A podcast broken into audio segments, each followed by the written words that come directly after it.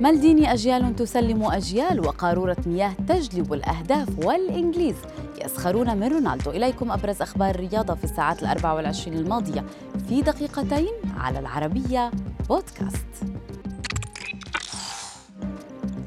صنعت عائلة مالديني الكروية إنجازا لم يحصل من قبل في الملاعب الإيطالية على الأقل.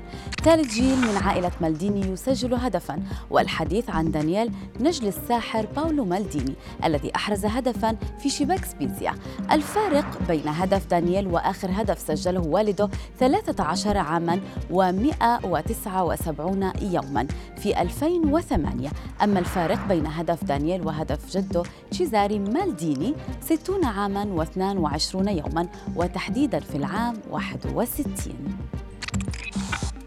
هل شاهدت يوما أحدهم يسجل هدفا؟ وفي يده قارورة مياه هذه ليست طرفة بل حقيقة.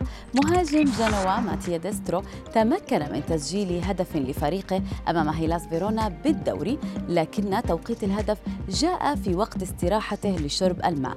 الكرة وصلت إليه بطريقة ما. وهو لم يهدر الفرصة راويا عطشه بهدف.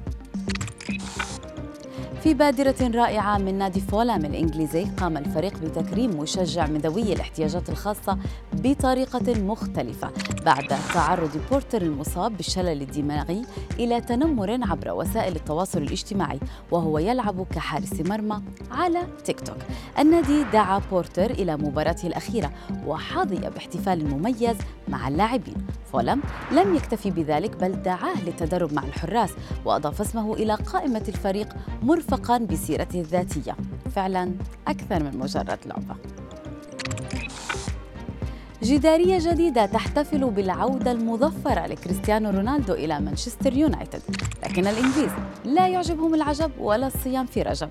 تنمروا على اللوحة. وشبهوا رونالدو ببات بوتشر شخصية نسائية اشتهرت في واحد من أطول المسلسلات الإنجليزية الذي يعرض منذ العام 86 وحتى يومنا هذا لكن بلا أقراط في أذنيه.